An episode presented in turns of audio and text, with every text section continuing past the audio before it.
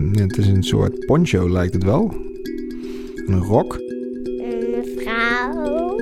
She looks like she's a child, looks like a girl wearing kind of a old cloak, cape sort of thing, um, almost like from a fairy tale. Het lijkt wel op een rood kapje. Met een strikje, een vrouw met een dikke buik. En ze kijkt omhoog. With a very subtle smile, it makes me feel that she's hopeful for the future. Is she a character from a book? Was she a real person? Het heeft iets weg van de monniken. Het is toch een strandbeeld. Beton, lijkt het.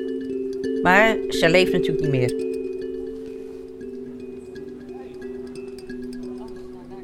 Wie is deze vrouw met de subtiele glimlach? We zijn in het centrum van Delft. Soms zit hier een accordeonspeler, soms stoppen de toeristen om een selfie te maken. Zij kijken meestal liever naar boven, naar de scheve toren van de oude kerk. Voor de kerk, tussen een brug en een fietsenrek, staat dit beeld van een vrouw met een capuchon op. Op de sokkel van het standbeeld staat Geertrui van Oosten. Onder haar naam staat haar sterfjaar, 1358. De middeleeuwen is een tijd waarin alles wordt doorverteld voordat het wordt opgeschreven. Degene die het opschrijven, dat zijn monniken, die in een klooster wonen en niet hier, midden in de stad. Is het mogelijk om het leven te vertellen van een vrouw die bijna 700 jaar geleden leefde? Er staat nu een groot standbeeld voor Geertrui van Oosten in uh, Delft. Maar naar mijn smaak heeft uh, Geertrui nooit bestaan. Ja, dan moet je ook afvragen hoe, hoe, hoezo zou iemand dat verzonnen hebben of zo. Dat is ook heel raar. Wie was Geertrui van Oosten? Wat zegt haar verhaal over het leven van de vrouwen in de middeleeuwen? Ik denk dat het minder uniek is dan dat wij denken, maar het, het is in ieder geval niet heel veel bekend. Ze zijn, moet ik dat zeggen, verbraafd in de loop der eeuwen, gedwongen verbraafd. Om dit uit te zoeken, moeten we terug in de tijd.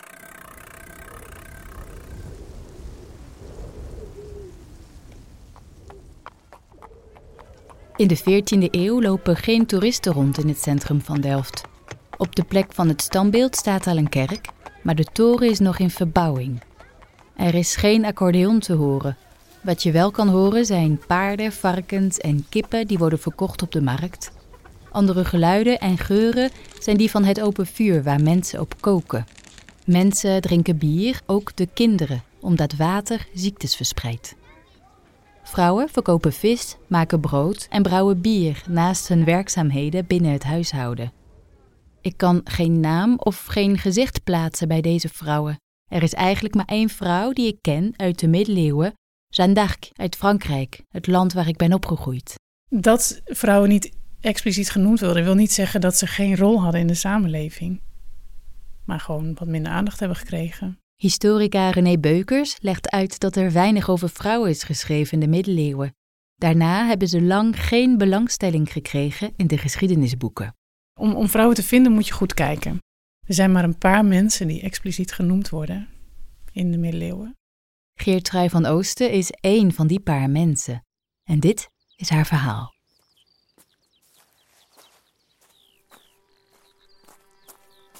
Omstreeks 1335 kwam een 15-jarig meisje uit Voorburg naar Delft om een betrekking te zoeken. Dit is mediëvist Ludo Jonge. Hij leest vooruit zijn boek Heilige Levens in Nederland en Vlaanderen. Haar ouders waren eenvoudige, godvruchtige mensen en hadden het niet breed. Geertrui vond werk in een herberg. Delft was toen op tijd nog een bescheiden stadje.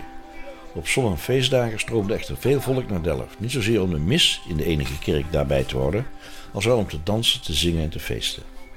Ook Geertrui begaf zich vol overgave in het feestgewoel.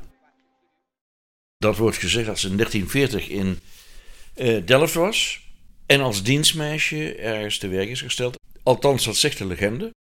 Het leven van Geertrui van Oosten staat in een legende. We beschrijven het vandaag als een wonderlijk verhaal. Eigenlijk vertelt een legende het leven van een heilige. Officieel is het de, betekent het dat wat gelezen moet worden. En in de refter van een klooster las men het leven van de heilige voor. tijdens de maaltijd. Zo gaat het verhaal van Geertrui verder. Zij gaat werken in een herberg en ze zingt op de bruggen van de stad met twee vriendinnen. Ze schrijft zelfs een liedje, nu daagt het in het oosten. Ze ontmoette een bijzonder aardige jongeman. Ze werden verliefd en wilden zo snel mogelijk in de huwelijksboot stappen. Maar vlak voor de bruiloft kwam Geertrui erachter dat haar verloofde een ander meisje zwanger had gemaakt. Deze zwangerschap verliep uiterst moeizaam en uiteindelijk kwam de vrucht dood ter wereld. Geertrui had inmiddels haar buik vol van de wereldlijke minnaars en richtte haar liefde geheel en al op de hemelse bruidegom, Jezus Christus.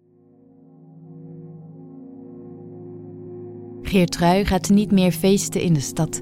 Ze gaat op het Begijnhof wonen. In haar kamer staat alleen een bed en een kruisbeeld. Daar blijft ze de rest van haar leven. Ze eet en slaapt heel weinig, blijft uren bidden op haar knieën en ze krijgt visioenen. In kersttijd leefde ze intens mee met de maagd Maria. Zodra Maria haar kind ging zogen, zwollen Geertrui smakelijke borsten op.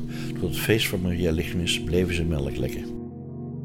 Daarna krijgt ze vijf wonden in haar handen, voeten en linkerzij. Precies op de plaatsen van de wonden die Jezus had. Die wonden bloeden zeven keer per dag. Dat bloed ving ze op in linnen doeken die zorgvuldig bewaard werden. Op 6 januari, waarschijnlijk is ze dan 38, overlijdt Geertrui van Oosten. Aan degenen die rond het sterfbed stonden, meldde ze: Ik betreed het huis van mijn vader, waar de stenen van goud zijn en de straten blinken van edelstenen. Daarop blies ze haar laatste adem uit.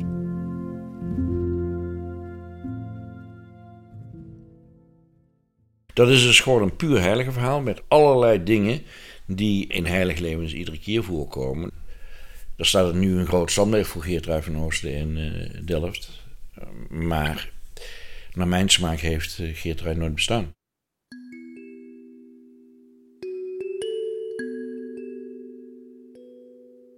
Je zou verwachten als er dus een iemand heilig zou zijn, als er dat zou zijn, dan zou het graf er zijn. Er, er is dus nooit iets van verering geweest in, in, in, in Delft. Het punt is gewoon dat we voor heel veel dingen hebben de bronnen niet. Kijk of ik geloof of niet geloof. Ik geloof in verhalen. Ik kan zonder verhalen niet leven. Dat bestaat nog niet. Elk mens vertelt verhalen. Heilige levens is een apart genre.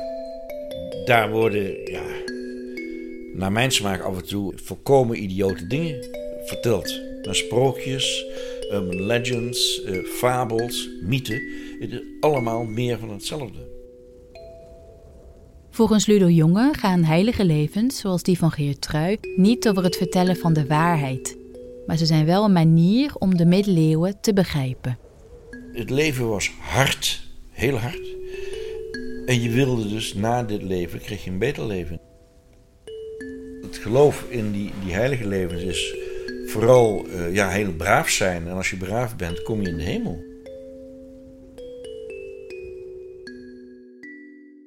Legendes zijn fictieve verhalen, maar vaak zijn deze wel gebaseerd op een echt bestaand persoon. Om te bepalen of iemand echt heeft bestaan, moet er wel genoeg terug te vinden zijn over die persoon, zoals teksten, geschreven tijdens iemands leven. Bij uh, Geertrui van Oosten is het vaag, vaag, vaag. En als er een vrouw leefde daar, ja, kan best. Er is een legende en er zijn vage bronnen. De legende over Geertrui van Oosten is lang na haar dood geschreven. Ik wil weten waar dat verhaal vandaan komt. Ik ga naar het Stadsarchief van Delft, een groot modern gebouw ver buiten het centrum van de stad. Ik heb afgesproken met historicus en archivaris Gerrit Verhoeven. Het kan best zo zijn dat er, uh, dat er mensen waren die haar, uh, die zo af en toe bij haar graf uh, langs gingen of zo, maar dat weten we niet. Gerrit krijgt soms vragen over Geertrui. En dan gaat het over het lied dat zij op de bruggen zong, dat vandaag nog steeds gezongen wordt in kerken. Nu daagt het in het oosten. Ja, maar wat weten we nou eigenlijk echt over haar en dat lied? Ja, niet zo gek veel. Het, uh, de naam lijkt erop, dus die twee dingen koppel je aan elkaar. En uh, als je dat vaak genoeg herhaalt, dan is het waar.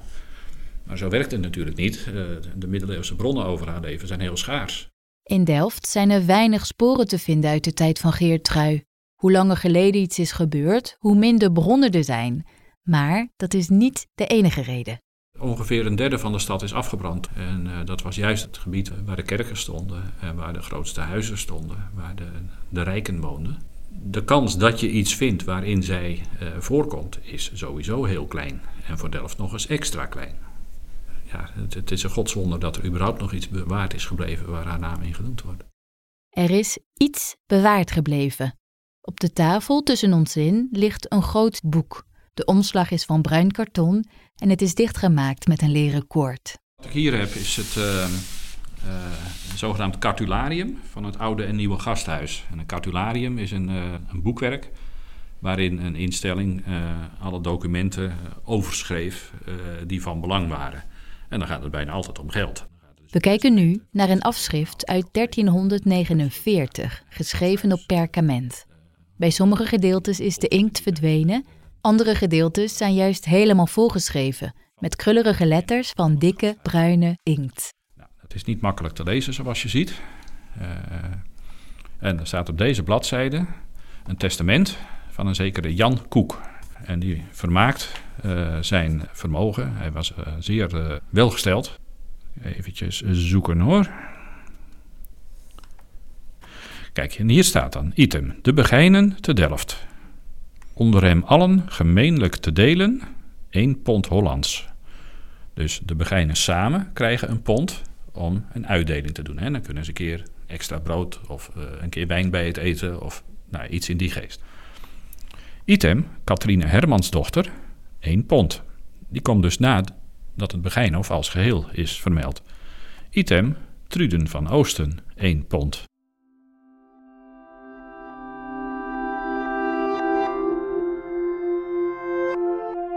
Dit is de enige bron uit de tijd waarin Geertruid van Oosten leefde, waarin iemand met die naam wordt genoemd. Ja, ik denk dat we best wel mogen aannemen dat dit de Geertruid van Oosten is. En als het niet waar is, dan is het toch in ieder geval een mooi verhaal.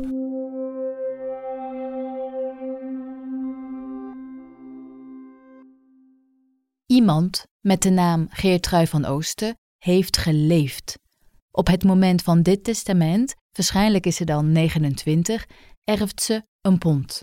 Over het verhaal dat in haar legende is verteld, is hier niets terug te vinden. Er staat niets over de man die haar heeft achtergelaten, de liedjes die ze zingt op de bruggen van Delft of de wonden die ze in haar handen en voeten heeft.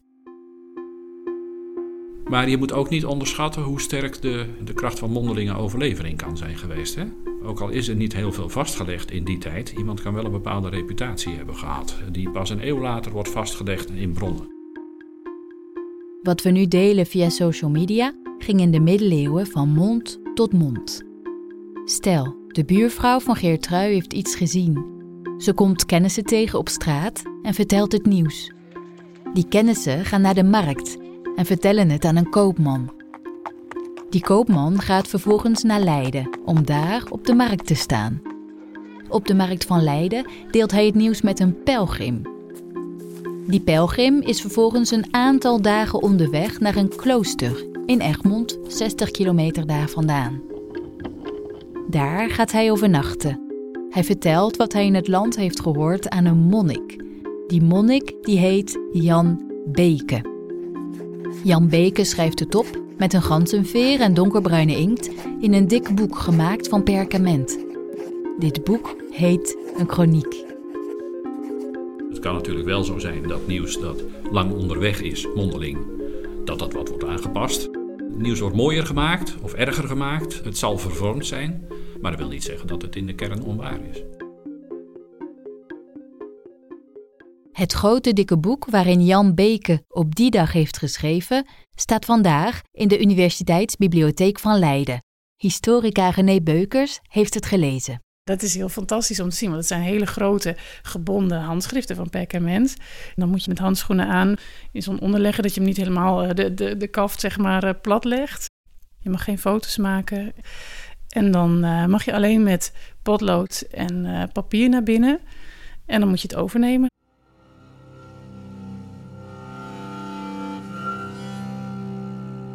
In deze tijden geschiedde in die steden van Delft een wonder dat wel zeggensweerd is. Want daar was een rekkelijke vrouwe die ons Heere passie met zo groter bernende begeerte plag aan te zien, dat men die tekenen van die wonden bescheidelijke zag in horen zieden, in horen handen en in horen voeten, gelieken als die aan die beelden waren. En die gemene kerstinnen lude, lovende en dankende den gekruiste Heere, omdat mirakel als wel reden was. Dus wat hier staat is dat er een wonder, wat wel vermeldenswaardig is, uh, heeft plaatsgevonden in de stad Delft. Omdat een rekkelijke vrouw God zo met passie had aanbeden. Dat ze dus die tekenen in haar uh, handen, voeten en uh, zij heeft gekregen. Het volk om haar heen, die dankte de Heer om dat wonder. Die vijf wonden op de plaatsen van Jezus op het kruis heten stigmata. Het is voor mij, als leek, niet meteen duidelijk wat dit betekent in de middeleeuwen. Dat is een teken van God, zo werd dat gezien. Dan was je dus geëerd met iets in feite. Er wordt gedacht dat dit stuk 30 jaar na de sterfdatum van Geertrui is geschreven. Het is relatief kort. Dat betekent dat het vrij, vrij betrouwbaar is wel. Het is een kroniek uh, waar, waarin zo'n soort opmerking wordt opgenomen. Dus ja, dan moet je ook afvragen hoe, hoe, hoezo zou iemand dat verzonnen hebben of zo. Dat is ook heel raar. In de kroniek is op zich een vrij zakelijke opsomming van allerlei bijzonderheden die in die periode zijn gebeurd. Dit stuk gaat over een anonieme vrouw. Een aantal jaar later heeft een andere monnik erbij gezet dat deze vrouw Geertrui van Oosten is. Het wordt gezien als de oudste bron waarin haar verhaal wordt verteld. Dus het lijkt alsof Geertrui iemand was die al een leven achter zich had gelaten, zeg maar. Die, die dus al ervaren in het leven is geweest. Getrouwd of, of deugdzaam. In ieder geval een vrouw, niet een meisje. Die zich bekeerd heeft en vervolgens een ander leven is gaan leiden. Die een soort goddelijke status heeft gekregen in de samenleving. Ik denk dat dat in feite is wat het, wat het was. En voor de rest weet je dus eigenlijk niet zo goed of ze kinderen had of, of waar die man is gebleven, of uh, dat weten we niet.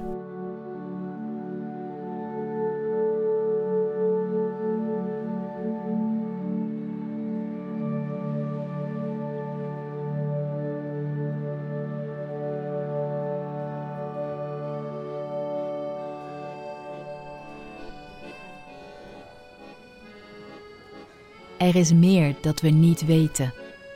We zijn terug naar vandaag, bij het standbeeld met de capuchon op voor de scheve toren van de oude kerk. Voor de sokkel is een accordeonspeler op een stoeltje gaan zitten. Ik vind het een mooi beeld, maar deze vrouw met de vrolijke blik lijkt niet het verhaal te vertellen van een vrouw met wonden die als een soort god werd gezien. Een rood kapje?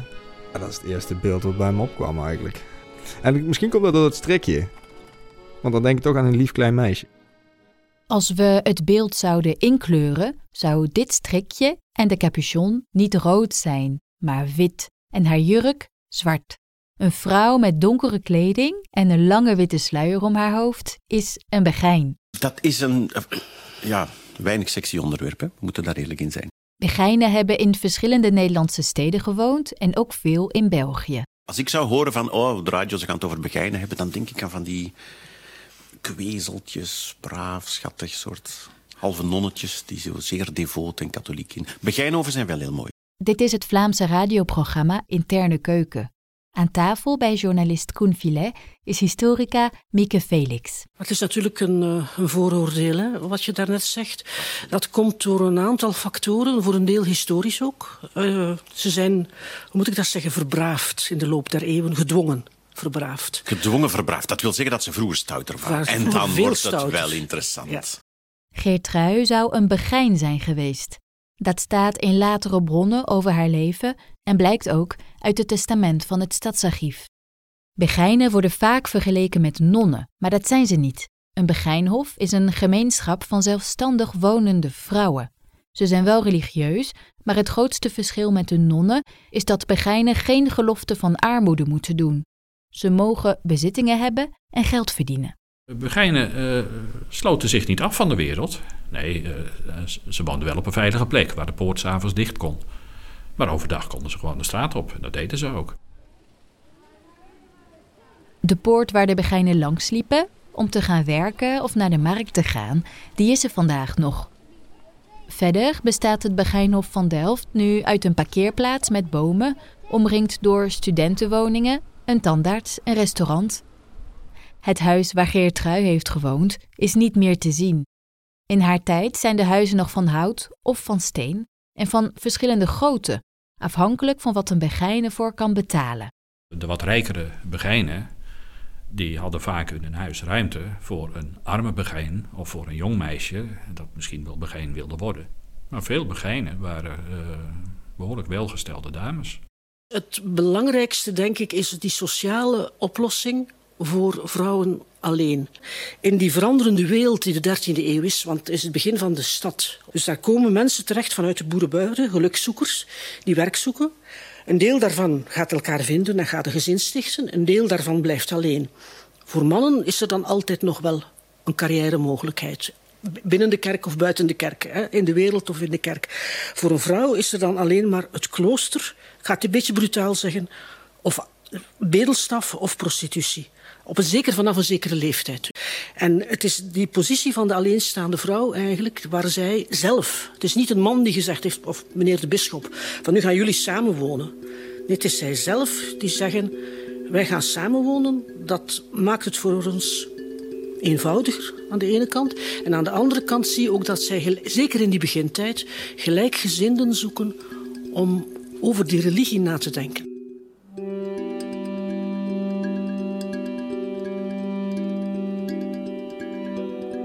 Over welke periode hebben we het dan? Wanneer begint het? Het begint um, vermoedelijk 12e eeuw, maar de eerste begijn, Hoven, de kleine stadjes dus, uh, dat is 13e eeuw. 13e eeuw. En dan heb je vrouwen die beslissen om alleen te gaan wonen, ja. zonder man, ja. niet in een klooster, ja. vrij rond te lopen en te werken. En te werken en ook hun eigen idee te hebben over het geloof. Dat laatste is het gevaarlijkste natuurlijk. Het is behoorlijk revolutionair als het, voilà. als het allemaal optelt. Hè? Ja. Ja, dit was jouw artikel. Ja. Weet je dat nog? Historica René Beukers heeft over Geertrui van Oosten geschreven in het kader van een breder onderzoek naar levende heiligen. Ze omschrijft ze als mensen die vandaag misschien niet worden geëerd in kerken, maar tijdens hun leven een belangrijke rol hebben gehad voor de bevolking. Het is een ander soort kerkelijke autoriteit. Zo, zo heb ik het in ieder geval beschreven. Dus je hebt de, de pastoor of de, de mannelijke functionarissen zeg maar, in de katholieke kerk, die hebben een heel duidelijke autoriteit. Dus die vertellen je van nou ja, als jij boete moet doen, dan moet je dat op deze manier doen en dan komt het goed. En je ziet dat, dat deze levende heiligen dat eigenlijk ook doen. Volgens René heeft Geertrui een bepaalde autoriteit gehad vanwege haar stigmata. Zij leeft midden in de stad, zoals de andere levende heiligen in René's onderzoek. Deze mensen krijgen veel belangstelling van de bevolking. En ik denk dat dat ook bij Geertrui van Oosten zal zijn gebeurd. Dus dat daar mensen op afkomen die uh, willen meegenieten van dit wonder. Maar ook vragen hebben. Of vragen van, nou, kan je voor mij bidden? Of voor mijn overleden echtgenoot bidden? Of kan je zien wat, er, wat ik moet doen? Kan je me daar advies over geven? Als daar dus heel veel mensen op je afkomen en jou geloven, kan potentieel wel een beetje gevaarlijk iemand zijn. Er zijn veel verhalen bekend over mensen in conflict met een priester of het bestuur vanwege hun overtuigingen. Jeanne d'Arc is op de brandstapel beland vanwege haar geloof.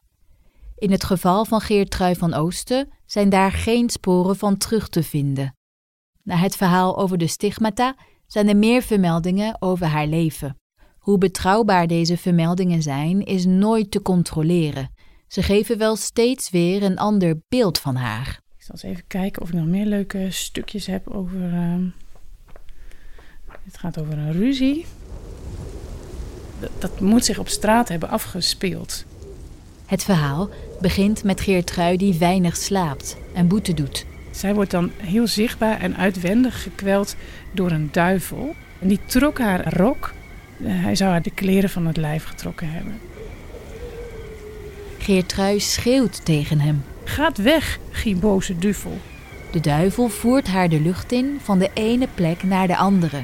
Het klinkt een beetje alsof hij haar oppakte en dan weer neergooide of zo. Zo zag Geertruide denk ik uit in de straten van, uh, van Delft. Een vrouw in extase die nou ja, trekt en rukt aan haar kleding, die dan weer springt en neervalt.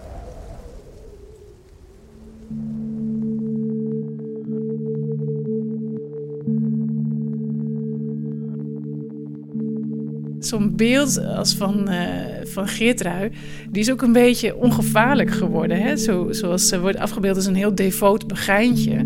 Dan denk ik, nou, dat, dat was ze denk ik echt niet. Het is echt wel een heel excentriek figuur geweest, denk ik.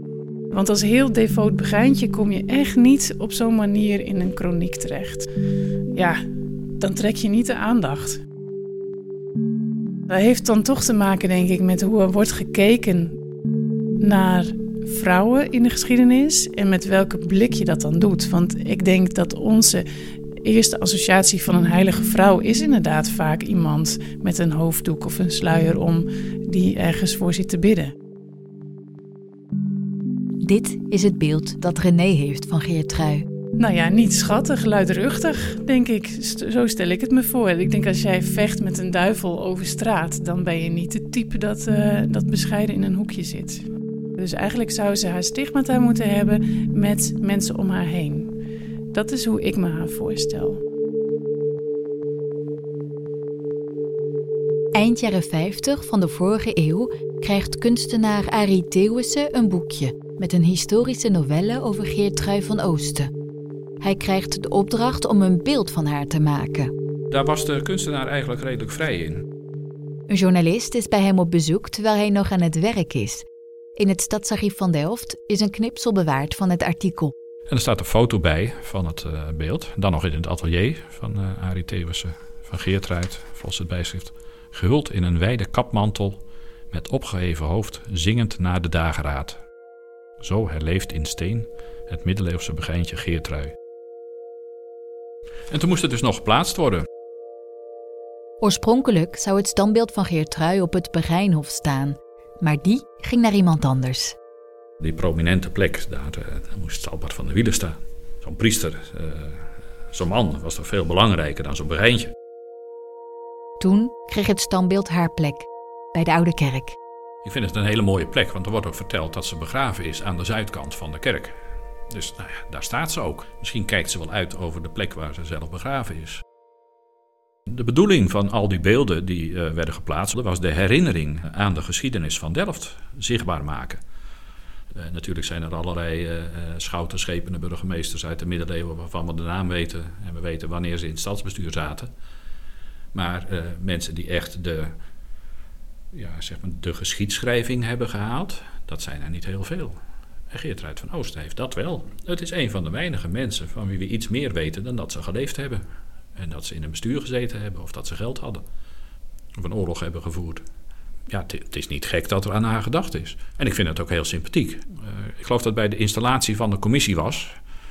Dat de burgemeester dan zegt dat uh, de herinnering aan de grote mannen moet worden levend gehouden.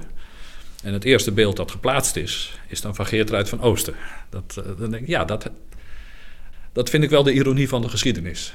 En het is uh, een beetje toeval geweest, maar dat doet er niet toe. Ik vind het, vind het wel een mooie symbolische bijkomstigheid.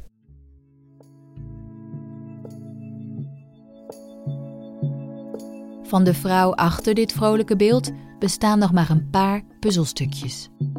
Dat is misschien toch het mooie, dat we niet alles weten. We kunnen er een beetje omheen draaien en we kunnen vermoedens uiten en een paar feitjes boven water halen. En verder is het een mooi verhaal. En in een verhaal moeten niet alle feiten helemaal vaststaan. Want die kunnen het verhaal wel eens minder mooi maken dan wanneer er nog wel wat te raden overblijft. Er is gewoon een categorie geweest die niet per se in het institutionele plaatje paste. En dat is wel het leuke aan Geertrui van Oosten. Dat er ergens is ze nooit helemaal vergeten. En dat is natuurlijk wel heel bijzonder. Dat je, dat je zo iemand hebt die altijd nog een beetje in het collectieve geheugen is gebleven.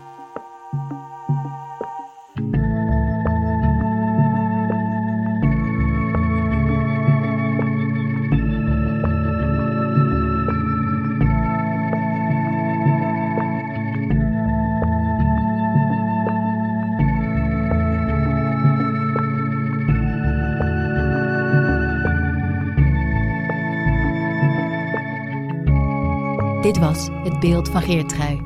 Een podcast van mij, Hanna Volbeda, met dank aan alle Delftenaren die het beeld wilden omschrijven.